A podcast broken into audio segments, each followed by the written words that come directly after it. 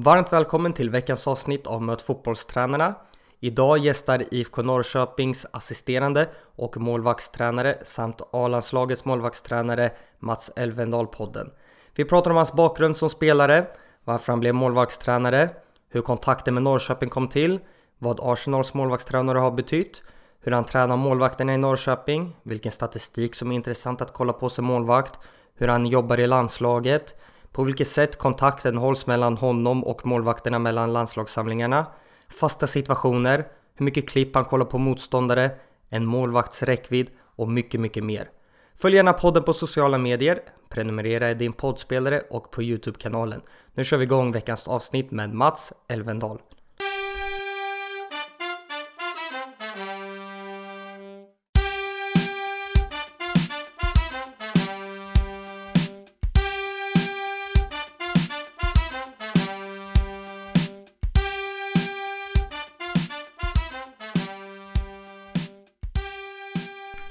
Varmt välkommen Mats Elvendal till Möt fotbollstränarna. Tack snälla. Hur mår du idag? Jag mår riktigt bra. Eh, det gör jag ofta. Jag är en privilegierad man som jobbar heltid med fotboll och igår vann vi också. Och det hänger ofta ihop. Eh, tyvärr tänkte jag säga, men det är väl det som är härligt också med fotboll. Att man har känslor som går upp och ner. Ni spelade igår mot AFC Eskilstuna. Vad är dina reflektioner från matchen? Jag tycker att vi följer matchplanen bra och gör dem, vi nyttjar våra styrkor på ett bra sätt och eh, lyckas också få det, ett resultat som vi ville ha. Hur eh, ser träningsupplägget ut dagen efter match? För de som spelar och för de som inte spelade?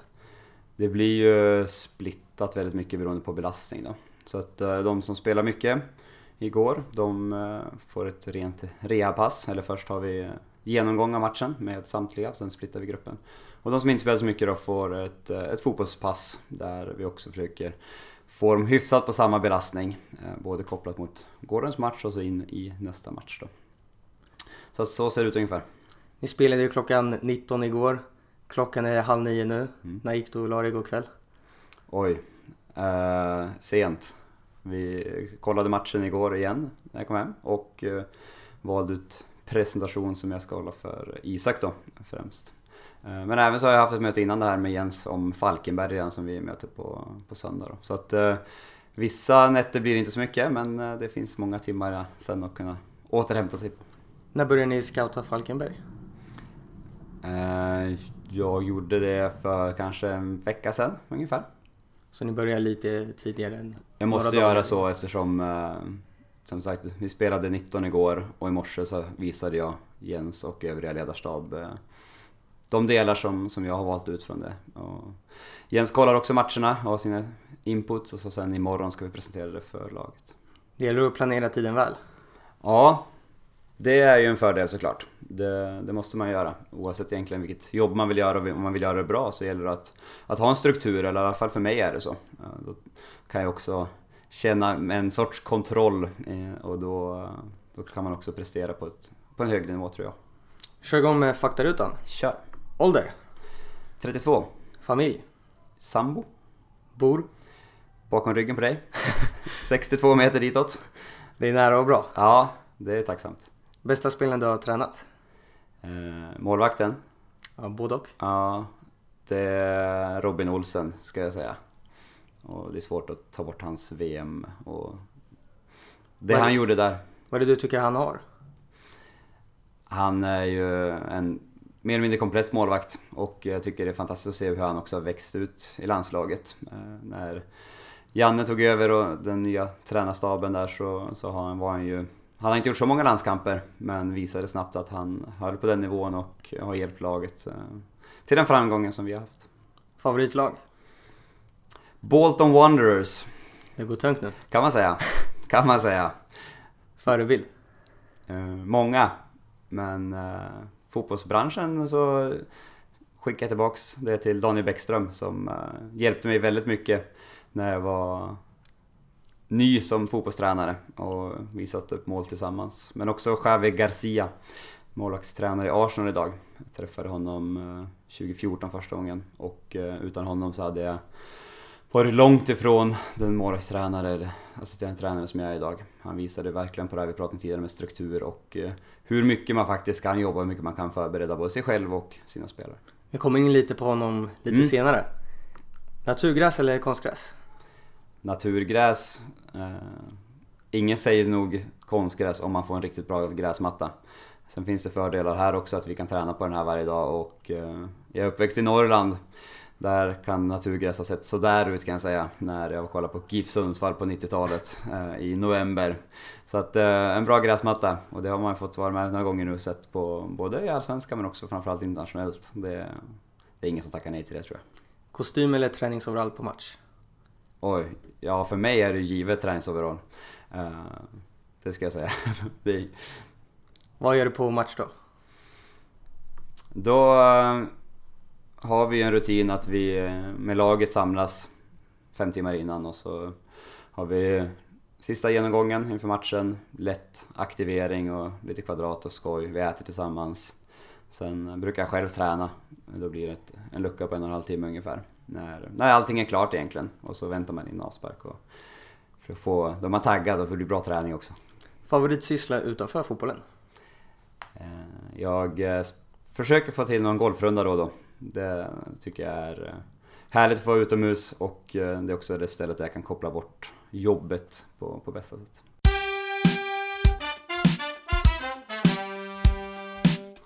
Hur ser din egna bakgrund ut som spelare?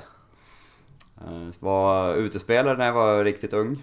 Och så sen eh, när Halmstadlägret vankades så ställde jag mig i mål för att komma dit. Jag var inte tillräckligt bra som utespelare. Eh, och eh, då hade jag extra träning med min far som var målvaktstränare i GIF Sundsvall och u landslaget då. Spelade jag i IF Älgarna i division 4 när jag var 16, 17 där och så, sen hade jag en alpin karriär så då hade jag ett litet uppehåll fotbollsmässigt. Kom tillbaka efter gymnasiet, spelade igen i division 4, vi vann den, vann trean, upp i tvåan och sen flyttade jag till Umeå. Eh, skrev på för Umeå FC division 1 och började studera gymnasielärare där uppe. Och så sen eh, när jag gjorde min sjätte knäoperation så frågade eh, doktorn om jag ville vara knäinvalid när jag var 28. Funderade ett tag och så sa jag att nej men det tror jag inte att jag vill. Och då sa han då borde du ta hand om kroppen på ett annat sätt. Och då hade jag fördelen så blev jag målvaktstränare i ungdomslaget i Umeå FC. Eh, och det var också Bäckström som, blev, som var huvudtränare i den gruppen och då träffade jag honom. Var det givet att du skulle bli målvaktstränare? Nu i efterhand så ja, det kan man säga. Uh, alltid fascinerats framförallt om historierna från, från pappa när han var med u landslaget och fick mer eller mindre uppleva i alla fall hela Europa eh, och stora delar av världen genom ett så pass roligt jobb. Jag var också med när jag var ung, flera gånger i veckan på GIF Sundsvalls träningar. Just då tänkte jag kanske inte att jag skulle bli det, men eh, jag förstår ju också nu i efterhand att det, det satt sin prägel. Och nu är jag där idag och jag eh, njuter verkligen av det och känner mig otroligt privilegierad att få, få uppleva de sakerna jag upplever. Hur mycket har han betytt för dig i din resa? Som jag var inne på nu så just det här att kunna skapa den förebilden, att man vet om att man kan göra de här sakerna. Eh, och det, det är såklart ovärderligt, men även en kunskapskälla såklart. Och även nu i efterhand så vet jag om att när, när jag var liten och, och eller ung så så varje gång det blev ett mål på, på, på TV när vi satt och kollade, ja men då, då frågade han vad kunde målvakten gjort där, vad skulle man kunna gjort och så här. Och då var det bara en lek egentligen och så att vi diskuterade och hade kul. Men nu efterhand så förstår jag att det födde kanske något sorts analytiskt eh, i, i mig. Hur skulle du säga att du bedrev målvaktsträning i början av din karriär? Annorlunda mot nu, ska jag säga. Eh, men eh, min far var ganska tidig med att få in beslutsfattande och hitta matchlika situationer och så. Så att eh, ja, nog det spåret har, har funnits hos mig under, under hela min tränarkarriär. Men eh, det är såklart att jag har lärt mig väldigt mycket sen, eh, sen den tiden. Du blev ju tränare lite där i samma förening som där du spelat. Upplevde mm. du några problem med det? Nej, det gjorde jag faktiskt inte. Jag blev också eh, tränare i damallsvenska med Umeå IK. Och eh, det var bra för mig att få in mycket erfarenhet från, från olika håll och kanter tidigt i, i min karriär. Men jag hade inget som jag inget negativt alls utan snarare positivt. De visste vem jag var och jag känner till föreningen också. Hur skulle du beskriva åren i Umeå IK? Givande, framför allt. Eh, jag hade, var tränare till Caroline Jönsson som har en otrolig erfarenhet och, och karriär bakom sig och, och, även psykolog så att eh, det var många och djupa diskussioner om, om allt, både på plan och utanför och det såklart att det, det la också en grund för det som har kommit sen. 2014 blev du den yngsta tränaren i hela Allsvenskan när du kom till IFK Norrköping. Mm. Hur kom eh, den kontakten till? Jag skrev på 2014, 2015 var min första säsong här.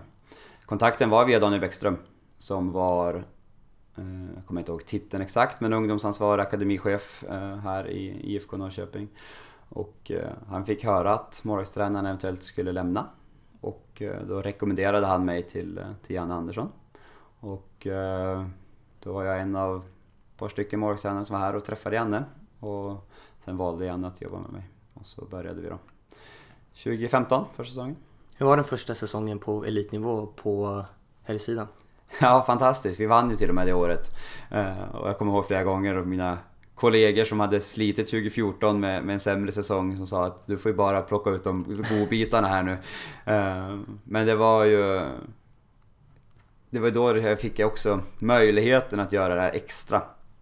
Som jag nämnde tidigare med Javi Garcia som visade hur, hur man faktiskt kan jobba mycket, mycket djupare och bredare på, på samma gång. Du kan ta in jättemycket information och sen pinpointa exakt vad du vill, vill förmedla vidare och, och bygga en filosofi som du kan vara konsekvent över tid. Där du, där du kan mer eller mindre bestämma vad som är effektivt över tid. Och det fick man möjlighet när jag blev heltidsanställd.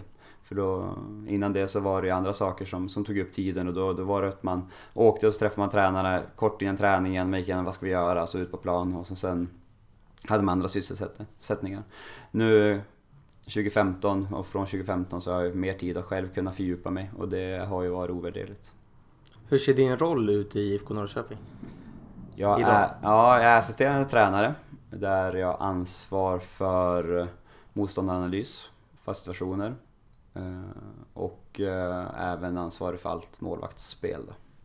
När, vilka år var det du träffade Garcia? Jag träffade honom 2014 första gången. Sen har jag varit besökt honom i Sevilla, jag har besökt honom i Arsenal också. Eh, så att eh, vi har haft kontakt sen dess. Eh, och det var också via Bäckström faktiskt, första gången där. Och lite tur ska sägas. Han träffade honom utan att veta vem det var, så sen kom de in och började prata målvaktsspel och sa Daniel igen då att ja, men jag känner en som är, är väldigt intresserad och, och då knöts den kontakten och den, som sagt, ovärderlig.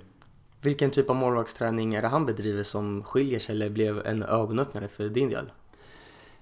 Ja, just det här att kunna vara konsekvent. Att kunna ha ett bestämd position, bestämt positionsspel i, i givna scenarion och en, en tanke, en röd tråd som, som gör att målvakterna kan känna en trygghet. Egentligen oavsett om man räddar ett specifikt skott eller släpper in ett specifikt skott så vet man om att ja, men det här beteendet vill vi ha för att vi ger bra resultat över tid. Och eh, då blir det också rättvist mot målvakten. Att man kan, så här vill vi att du gör i de här situationerna och sen ska man göra det så bra som möjligt och sen får man eh, utvärdera resultatet efter det. Hur ser träningsupplägget ut? Mitt träningsupplägg ser ut att jag har själv en filosofi eh, där jag har brutit ner då allt i, i tydliga delar hoppas jag för målvakterna. Och sen utgår vi från det. Och en liten sån sak kan ju till exempel vara att vi ofta tränar där om vi pratar defensivt för, för målvakten, att bollen startar i en yta istället för att idag ska vi träna inlägg, idag ska vi träna distansskott, eller idag ska vi träna ett sånt tema. Utan bollen startar i den här ytan, vad kan hända, vilka är våra ansvarsområden och hur ska vi prioritera olika situationer som jag sätter dem inför då. Och de situationerna vill jag ju då göra att de skiljer sig åt för gång för gång och träna beslutsfattandet så att vi vet om att över tid så får vi rätt beteende som, som ger bäst resultat också. Hur kan en sån här övning eller en träning se ut? Ja, det kan vara en, eh, en passning genom, genom backlinjen i, i inre korridoren i straffområdet och eh, där kan det både finnas en eller två forwards som springer som kan få en passning eller så springer man inte där utan då blir det ett rent avslut där man prioriterar bara det och så vidare.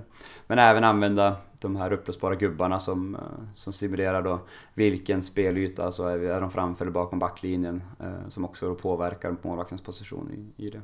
Så det är inte så mycket att du står framför målvakten och skjuter ett helvolley stenhårt i ansiktet? Nej, det är ju ganska sällan faktiskt. Det är på matchvärmning, eh, för då får målvakten själv bestämma vad de vill göra. Då, då gör vi det. Sen eh, skjuter jag nästan alltid från marken. Eh, säkert 80-90% från marken, kanske mer till och med. Just för att de flesta avsluten kommer där. Sen simulerar vi nickar ibland och vi simulerar också helvolley och halvvolley det också. För det, det skiljer lite grann vilken utgångsställning du vill ha, alltså hur du vill stå beroende på vilken vinkel. Allting handlar nästan till slut om vinklar om, du, om vi pratar rädda avslut här. Så att eh, då får man sätta dem inför alla de situationerna och också ha ett, eh, en tanke och en röd tråd bakom hur vi vill att de ska agera. Hur ser en veckas träning ut? Jobbar ni i block med ett tema eller försöker du få in alla bitar under en vecka? Jag eh, har egentligen, det är tvådelat. Ju närmare match vi kommer så blir det mer matchförberedande och då är det ofta kopplat mot motståndarnas arbetssätt. Alltså vad kommer vi möta för, för sorts hot i, i nästkommande match. Är ett lag som slår väldigt mycket inlägg, ja, då tränar vi lite mer inlägg. Det är, och även specifikt vilka löpningar tas i, i straffområdet och så vidare. Eh, sen ska man vara öppen för allt och det, även när vi tränar det så, så vrider jag av och gör att det blir lite, något som bryter mönstret också. För man kan inte, man kan inte förbestämma vad, vad någon ska göra egentligen, för kanske förutom sig själv. Eh, och knappt det. Så att, eh, sen har vi också en plan med individuellt och med målvakterna man behöver träna på. Och ganska ofta försöker jag också hitta situationer som hände förra matchen. För då är det, då har man, tycker jag, ännu tydligare den här träning, match, träning kopplingen som, som hela tiden sker. Och det är enkelt för målvakten att sätta sig in i, i vilken situation man menar också. Och då blir det också matchlikt. Hur viktigt är det också att man tänker på kanske andra målvakten och tredje målvakten som finns i föreningen? Väldigt, väldigt viktigt. Jag skulle säga att eh, på träningar eh, bör de få mer uppmärksamhet än eh, första målvakten.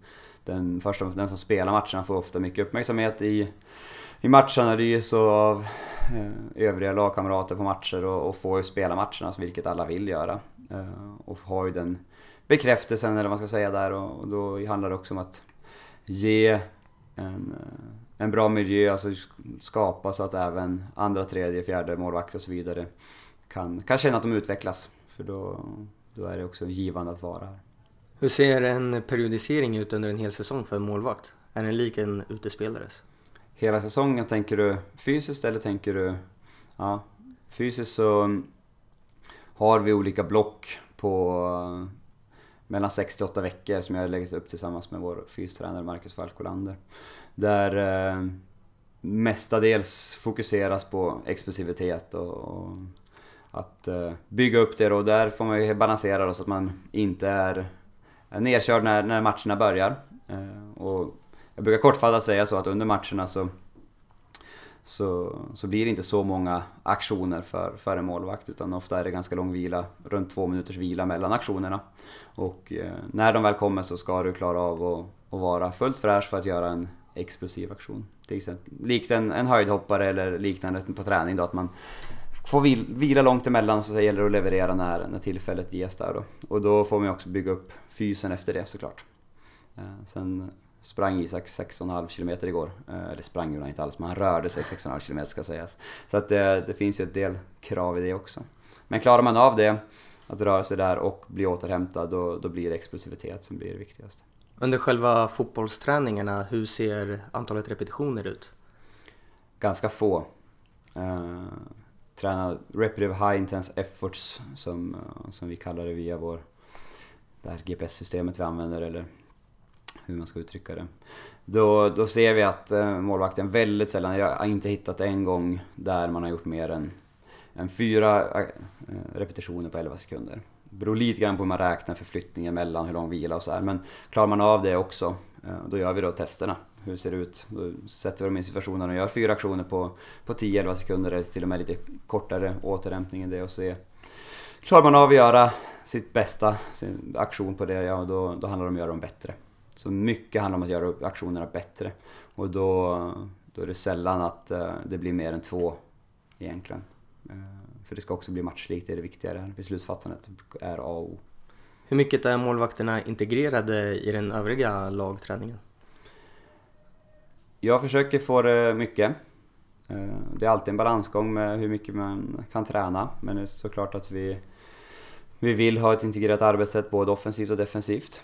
Och mycket av det sker också men efter, om vi pratar om blocka avslut och hjälpa till med de bitarna som, så, så kan man ge små feedback instick egentligen på när vi spelar smålagsspel också. Bara, ja, men bra att du gjorde så här här. Till både utspelare och målvakter och då blir det ju en integrerad tanke där när man pratar med båda samtidigt.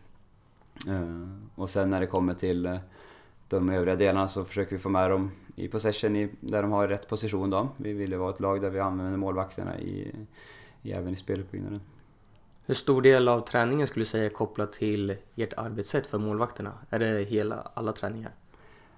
Ja, jag har ett tydligt arbetssätt för keeprarna och den, eh, där är jag konsekvent ska jag säga.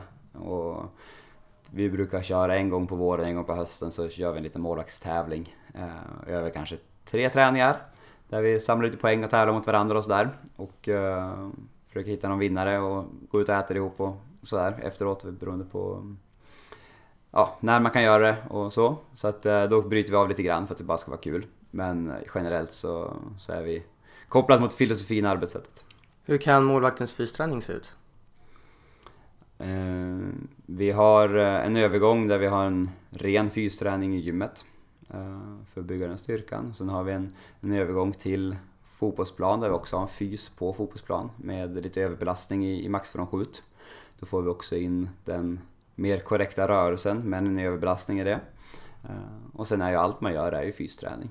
Alltså alla smålagsspel och även större spel är ju också en sorts överbelastning, kanske mer mentalt och så vidare. Så att det finns eh, alla sträckor där.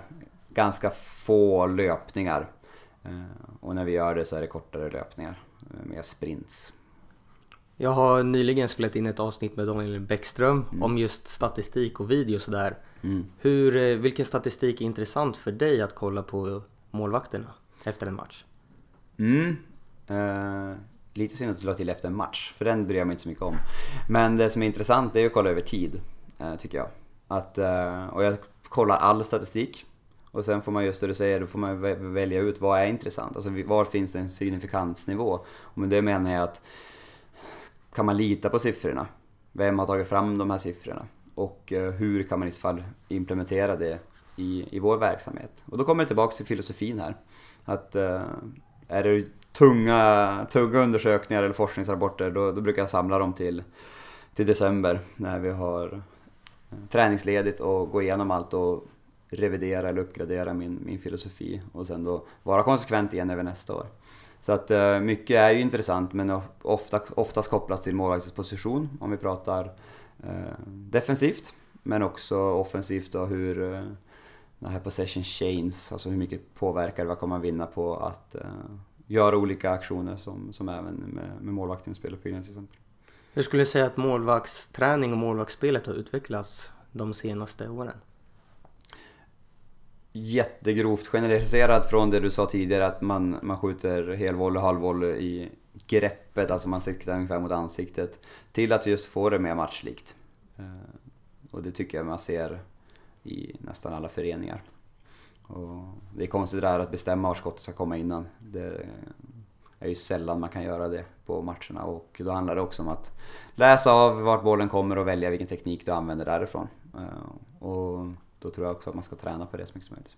Sen finns det alltid undantag. Det kan vara bra att skjuta riktigt hårt och veta ungefär vart den kommer för att känna hur hårt skott kan jag hålla och hur, vilket ska jag styra undan och så här. Men det är undantagen tycker jag. Utan träna matchligt och en sån enkel grej att på uppvärmning istället för att bestämma vart skotten kommer innan så tar man det mer eller mindre helt random. Man kan börja att inte skjuta något max från skjut utan skjuta runt omkring men det kan vara efter marken i mellanhöjd eller högt avslut. Det kan vara både att man kan flytta i sidled och, och ta bollen med, med kropp bakom eller välja att falla ner. Då får du ett enkelt beslutsfattande redan där. Men också är det möjligheten att kunna, det som jag tjatar om i målvakten, att respektera alla avslut. Att bygga en hög lägstanivå eh, genom att också göra bra aktioner på enklare avslut. Du jobbar ju även i landslaget. Hur stort är det för dig? Väldigt stort. Eh, otroligt tacksam att jag fick den möjligheten. Och eh, jag njuter varje gång jag är där, men ja, även när jag planerar inför de landskamperna. Och det har också mycket att göra med den ledarstaben som finns där med, och jobba ihop med, med Janne, Peter, Bernspång som, som analytiker och scouterna där gör ju att det är riktigt kul och eh, det utvecklar mig väldigt mycket också och det är jag också tacksam för. Vilka är dina arbetsuppgifter där? Där är, har jag ansvar för målvakterna, all förberedelse för dem och eh, all träning där men också fasta, fasta situationer. Hur jobbar ni under en landslagssamling med målvakterna i träning? Uteslutande att förbereda dem inför nästa motstånd. Det är, eh, jag pratar otroligt lite om hur de ska agera och göra i eh, liksom, tekniska detaljer och så. Utan där Janne tar ut de, de bästa målvakterna och då ska man bara förfina gentemot vilka vi möter. Sen kan de fråga, ha frågor och hur jag tycker och tänker och det, de är ju väldigt intresserade av, av målspel. Då kan vi ha, såklart ha de diskussionerna och så. Men inte att jag går in och petar i de sakerna på, på träning utan då bygger jag övningar som är kopplat mot, eh, mot nästkommande motstånd. Och ofta ser det ut som att vi, vi har en teori ibland precis innan träningen och går ut och, och då visar jag både hur motståndarna gör, visar en snabb grafisk bild vad vi ska göra och så går vi ut och tränar på det. Eh, men även där då, det blir beslutsfattande. Och då går det såklart att diskutera i det läget vad, vad ger bäst resultat för, för oss eller för den målvakten i, i den vissa situationen. Så skulle jag kort säga. Om vi går igenom från att målvakterna kommer till Friends Arena och ska träna. Mm. Hur ser det ut till att de går in i den integrerade lagträningen? Ja, det ser väldigt likt ut skulle jag säga. Ofta så samlas vi på en måndag. Eh, och eh, många spelar och spelar matcher på söndag. Och då kan det bli eh, en mer splittad träning där också, där vissa spelare kör, kör rehab och så. Så måndagen är, är lite speciell så. Sen har vi ofta två träningar plus dagen innan matchträning. Och de här två träningarna är en offensivt tema och ett defensivt tema. Och då brukar jag börja tidigare med målvakterna, så vi har ungefär 40-45 minuter där vi gör det vi eh, vill förbereda. Sen går vi in och kör integrerad taktisk träning med, eh, med övriga truppen då. Och ofta i, eller alltid i position och eh, nästan alltid i, i fullt manskap. Att vi ställer upp 11 mot 11. Och ett lag då får vara motståndare och ett lag får vara Sverige så mixar vi det under tid då. Så pratar vi om olika situationer. Eh, och så sen byter vi tema då till, till nästkommande dag. Ibland när det varit riktigt tajt så har vi haft ett ledarlag eh, på, på måndagen där man får tagit på sig en väst och så har, eh, har de andra fått gå två stycken i samma position då. Bara för att prata om lite mer, ja, men enkla grejer. Hur låser vi en inspark mot de här? Hur gör vi när de vill, ja, de vill göra så X, ja men då vill vi ha de här Y-positionerna och så vidare. Och, och, flytta runt dem. Så att eh, mycket taktiskt och då är det integrerat. Eh, därför börjar jag tidigare också så att målvakterna kan vara med i det. Presenterar du även klipp för målvakterna hur de kommande motståndarna brukar skapa målchanser och så mm. vidare? Både kollektivt, hur landslagets arbetssätt är, men också individuella klipp där jag visar offensiva spelare och vad man kan förvänta sig av dem. När det inte är landslagssamling, hur håller du kontakten med de aktuella målvakterna? Generellt WhatsApp. Eh, skickar, jag ser... Eh, jag har åtta målvakter som jag följer. Eh, så jag ser allt de gör, varje aktion de gör. Och eh, det är inte alla jag har kontakt med, det kan ju bli lite känsligt och så. Men eh, det är flera som jag Framförallt de tre som har varit med mest har jag kontinuerlig kontakt med. Men det är också att jag vill till viss del respektera att de är i klubblaget och ska tänka klubblag. Eh, och när de är med landslag så vill vi att de kopplar bort det och bara fokuserar på landslag. Så att eh, mycket WhatsApp-meddelanden och så ringer jag någon gång mellan varje samling. En, två, tre gånger kanske beroende på om det händer någonting eller vad, hur det ser ut. Har du tid att åka och hälsa på dem eller? Nej, det har jag inte. Eftersom jag har ett, ett till uppdrag här i IFK Norrköping så har jag inte möjlighet att göra det. Däremot så vi, åker både Janne och Peter ut och, och ser massvis med spelare och, och även målvakter. Och, eh, det är inte alltid alla vet om att man är där heller. Eh, utan de, de ser mycket och, och kollar om. Sen ser jag alla på, via, via datorn då. Eh, det tar lite för lång tid att, att åka och, och se dem på, på plats. Och, tyvärr, det hade också varit trevligt men eh, det är inte möjligt. Vi pratade ju lite om tid i början av avsnittet och mm. planering och sådär. Hur är det att ha dubbla arbetsgivare eller vad man ska säga? Jag eh, tycker att det är fantastiskt. Jag är i början av min tränarkarriär och får väldigt mycket erfarenhet från, från två sidor. Och eh, det är såklart att det du pratar om själv, det är, ibland så blir det mycket jobb. Men det är också det bästa jobbet jag kan tänka mig att ha. Så att eh, det har slagit mig någon gång att jag har jobbat och så sen har jag gått och kokat lite kaffe och ska ta en paus men då, då hamnar jag ändå och kollar kanske men då ser jag något klipp med någon annan fotbollsklipp eh, liksom eller jobbar med, med de delarna. Så att jag eh, tycker att det funkar väldigt bra. Jag är också tack, tacksam för att målvakterna här i Norrköping eh, de eh, ställer upp väldigt bra på det. Jag missar några träningar per år och då är de duktiga på att ta eget ansvar kopplat mot det. Och eh, det, det gör det enklare för mig också att vara iväg på landslaget. Sen missar jag aldrig matcher och så eftersom det är uppehåll när landslaget eh, har samling. När du jobbar med fasta situationer, mm. hur är ditt arbetssätt då? Ja, det skiljer lite också kopplat mot klubb och landslag. Om vi pratar i klubblaget så, så försöker vi träna på det lite ska man säga, kanske två gånger i månaden eh, där vi tränar på, på det. Vi har också två gånger per år där vi går igenom de defensiva med, med alla och verkligen går ut och pratar om olika situationer som, som kan uppstå, vilka roller vi har i det. Sen handlar det ofta om en tydlighet eh, som jag tycker är viktigt, att, eh, att alla verkligen vet om vad de ska göra. Och man kan vara tydlig på många sätt, både göra väldigt tydliga prestationer men ofta tror jag att man också ska flytta på, på planen för att det ska bli bli extra klart för, för ja, olika roller och olika uppgifter man har på planen. I både IFK och i landslaget, har ni samma arbetssätt vid defensiva, fasta eller skiljer det sig beroende på motståndarna? Eh, det skiljer sig lite grann. Det finns en grundtanke. Eh, först för att svara på den första så är det inte exakt samma med, med lands och lag och klubb, klubblag. Däremot väldigt lika eftersom jag, jag har dem i båda.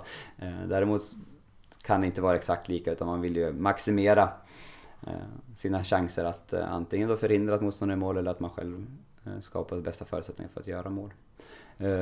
Så att där, det skiljer lite men generellt har man ganska lik uppställning.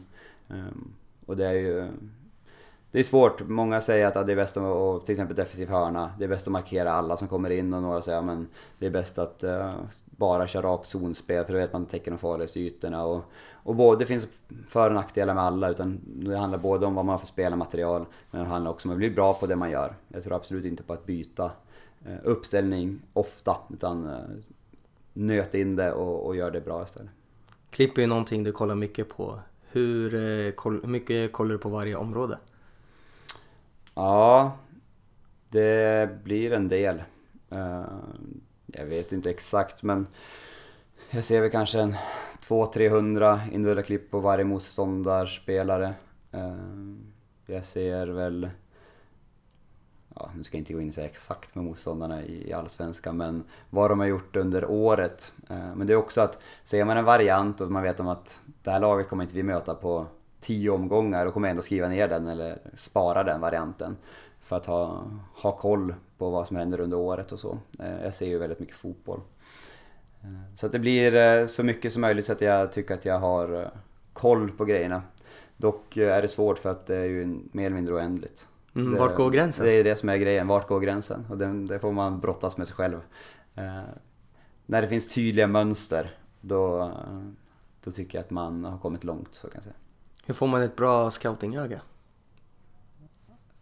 Två sätt. Ena är att fråga hur de som är bättre än du själv är, och hur de gör. Och det andra är att eh, jobba hårt. Hur skulle du säga att du scoutar en motståndare? Eh, hur? Ja, det är också, jag har ju, har ju både en kollektiv scoutning där jag pratar egentligen om, om kollektivet hos motståndaren men också en individuell scouting då. Eh, och den gör jag tillsammans till, till viss del med Jens, jag är ansvarig men han ser ju också matcherna och kommer med, med synpunkter och både framförallt vad, hur vi ska presentera det så, så kan han vara med och prata om delarna. men det handlar om att där också se tillräckligt mycket. Eh, både hur man vilket sorts motstånd man möter, hur man, om man anpassar sig och ändrar i, i sitt sätt att spela. Eller om man är väldigt konsekvent i till exempel positioner i speluppbyggnad eller positioner i förhindrad speluppbyggnad eller omställningar och så. Då är det både kvalitet på motståndare men också motståndarnas arbetssätt. Eh, och då, då måste man hitta det mönstret igen då. Och vissa är enklare än andra eh, och då får man också liksom anpassa sin, sin scouting mot det också. Vi eh, kör igenom några lyssnarfrågor. Ja, kul. Vad bör man träna och lägga fokus på hos målvakter som är ungefär 10-12 års ålder som vill bli målvakter? Att fortsätta att de vill vara målvakter. Det ska vara kul, tror jag är eh, nyckeln i, i det. Då tror jag också att det, det stimuleras att man vill träna ännu mer. Men i 10-12 års ålder så är jag också väldigt, väldigt öppen, eller snarare jag tycker att det är bra om man håller på med flera idrotter. Eh, det är svårt att liksom, jag tror inte stenhårt på att träna in en teknik när man är 10 år gammal. Just för att du kommer fysiskt förändra din kropp så pass mycket. Att den tekniken som du tränar när du är 10 kommer inte vara den mest effektiva när du är ja, efter pubertet och när du har byggt liksom muskler på, till, en, till en vuxen kropp då på ett annat sätt. Så att eh, där tror jag, ha roligt, uppmuntra de delarna men också vara var utespelare eh, på träningar eller var, i alla fall vara väldigt integrerad i de delarna. Sen om du vill hålla på med ja, vilken idrott som helst i övrigt så, så tror jag det bara är bra. Att man tränar liksom en grundmotorik och koordination. Eh, så rör dig mycket. Byt bort någon timme framför datorn till att eh, spontanidrotta tror jag är det bästa. Och är man förälder eller så tror jag att man ska skapa de förutsättningarna. Att, att röra sig mycket och, och ha roligt. Vilken ny vana och eh, beteende är du tacksam med att du skaffat de senaste åren? Ja, 2014-2015 alltså jag är väldigt tacksam för att jag skapade vanan att eh, bygga liksom ett, en röd tråd, en filosofi som vi varit och pratat om här för att vara konsekvent mot målvakten. Att, att hela tiden kunna, kopplas tillbaka till det. Nu på slutet så är jag väldigt tacksam att jag eh, har blivit bättre på att ta hand om mig själv. Och det är också mycket tack vare min, min sambo som är professionell fotbollsspelare i, i Linköping. Att se till så man får, nu ljuger jag lite grann för i natt sover jag inte så bra, eller så liksom många timmar. Men få, få tillräckligt mycket sömn, eh, äter bra och äh, tränar och även försöka få in den här golfrundan för att äh, kunna koppla av.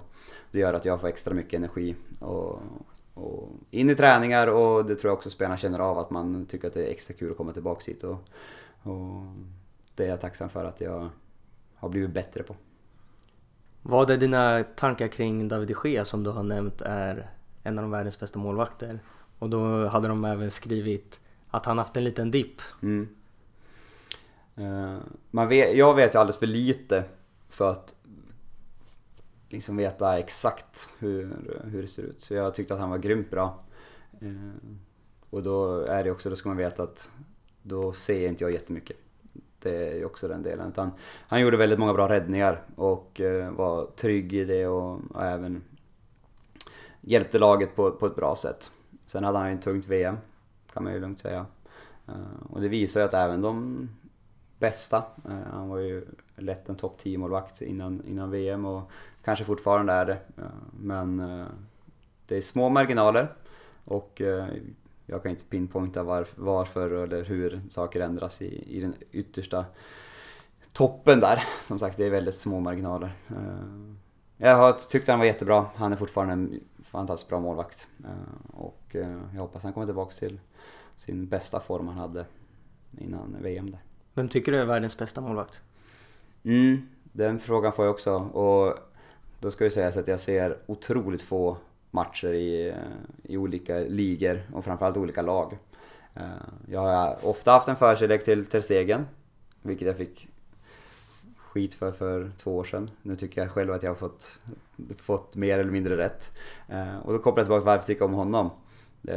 Det är både en sån, jag tycker att han är mer eller mindre komplett. Han kan spela med, med båda fötterna, han kan, kan förhindra, han kan rädda, han kan... Eh, på allt det på, på en väldigt hög nivå och eh, över en längre tid.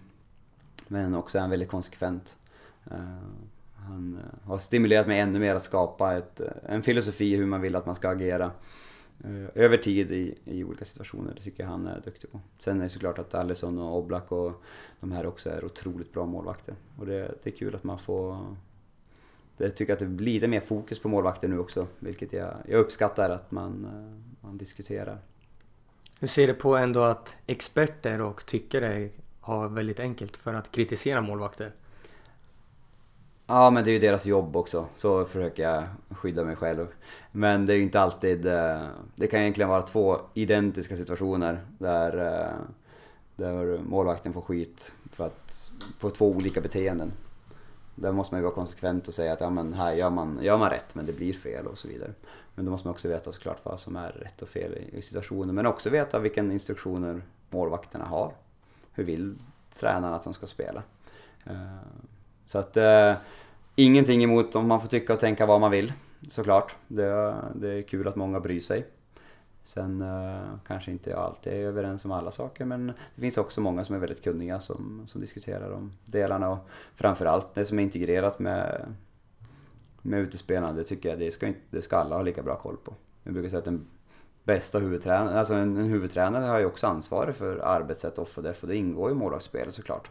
Sen kan man behöva en, en spetsegenskap liksom, eller spetskunskap i, i det som skiljer lite mer. Då. Vi var inne på lite fysdel, vi var inne på men, mer tekniska utföranden och så hur man, hur man utför arbetssättet. Eh, så att eh, man får tycka vad man vill, kan man sammanfatta.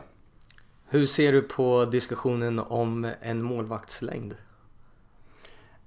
Jag tycker att man eh, ställer fel fråga. Jag tycker att man skulle kunna göra det så enkelt att säga målvaktens räckvidd. För det är det som betyder någonting. Det handlar om att Eh, på en given tidsperiod eh, kunna nå en viss längd. Och den tidsperioden, ja men vi pratar igen, det blir ofta att man pratar rädda avslut. Vi tar det igen.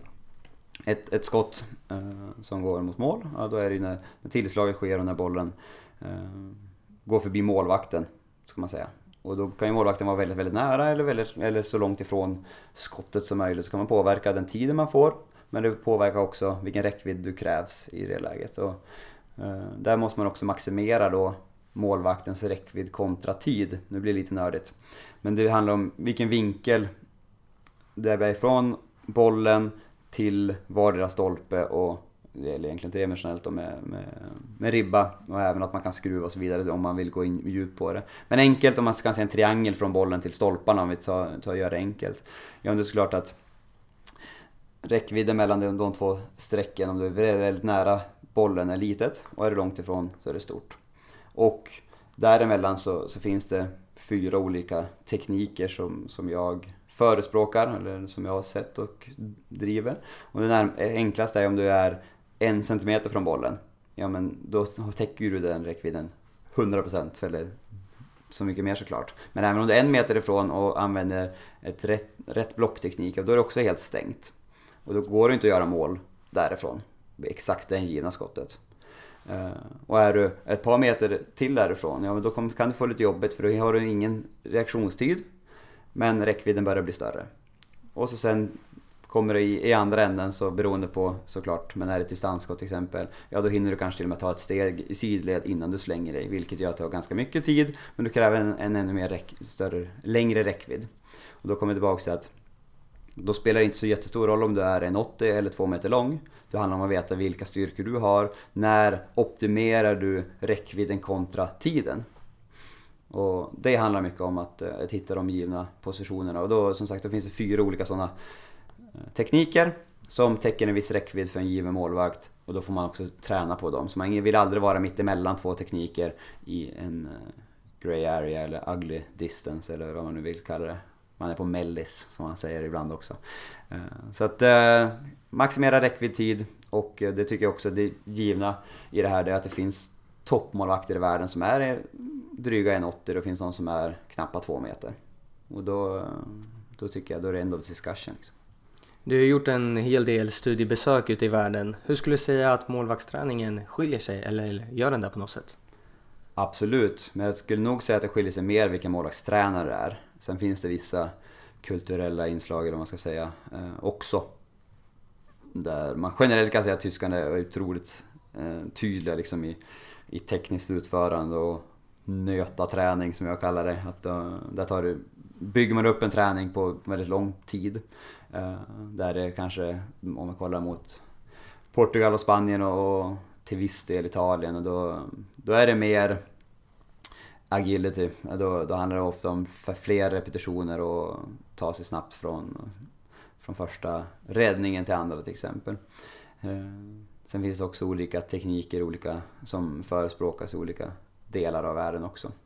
Eh, men jag skulle säga att de interna skillnaderna beroende på vilken målvaktstränare du har är större än den eh, ja, ligabaserade eller nationsbaserade eller vad man ska säga.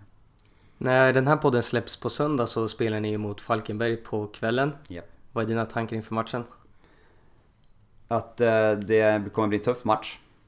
Jag tycker att de har skapat mer målchanser än vad de har fått ut. Eh, så det måste man vara, respektera.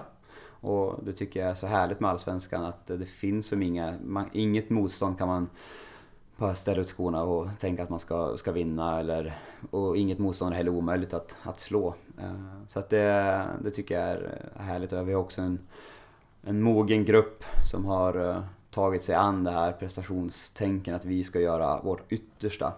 Eh, för att vinna såklart. Det är dit vi vill komma. Vi vill göra vårt yttersta för att skapa de bästa resultaten. Men resultatet, vi vinner inte för att vi sitter och tänker att vi ska vinna med, med 2-0. Det kan alla sitta och tänka. Utan det handlar om vad gör vi under veckan och hur gör vi på plan. Och jag och Jens och övriga ledarstab har börjat fila på taktiken här då. Ska göra det i, ännu mer nu i eftermiddag. Och så sen eh, får vi se till att skapa bra förutsättningar under de här dagarna. Som, det blir inte så många dagar. Eh, och eh, gör vårt yttersta där nere. Vilken tränare skulle du vilja lyssna på i podden? Eh, många. Har, har du Kristoffer Bernspång? Nej. Nej, då tycker jag att du kan. Eh, han har en, eh, en gedigen kunskap och kanske skiljer sig lite grann också från att uh, han är matchanalytiker. Uh, det kan väl ge en ny dimension. Och en jäkel på jobb också. Det, vi hade grym sommar med, i, under VM här där vi jobbade väldigt mycket i, ihop och uh, han har bra kunskaper så att det skulle vara kul att lyssna på. Nej, jag har i och för sig lyssnat mycket på honom men det skulle vara kul för andra att lyssna på honom mer. Så ska jag säga. Jag, jag hör, hör honom kontinuerligt så att, det tror jag. Stort tack att du tog dig tid och lycka till på söndag. Tack själv.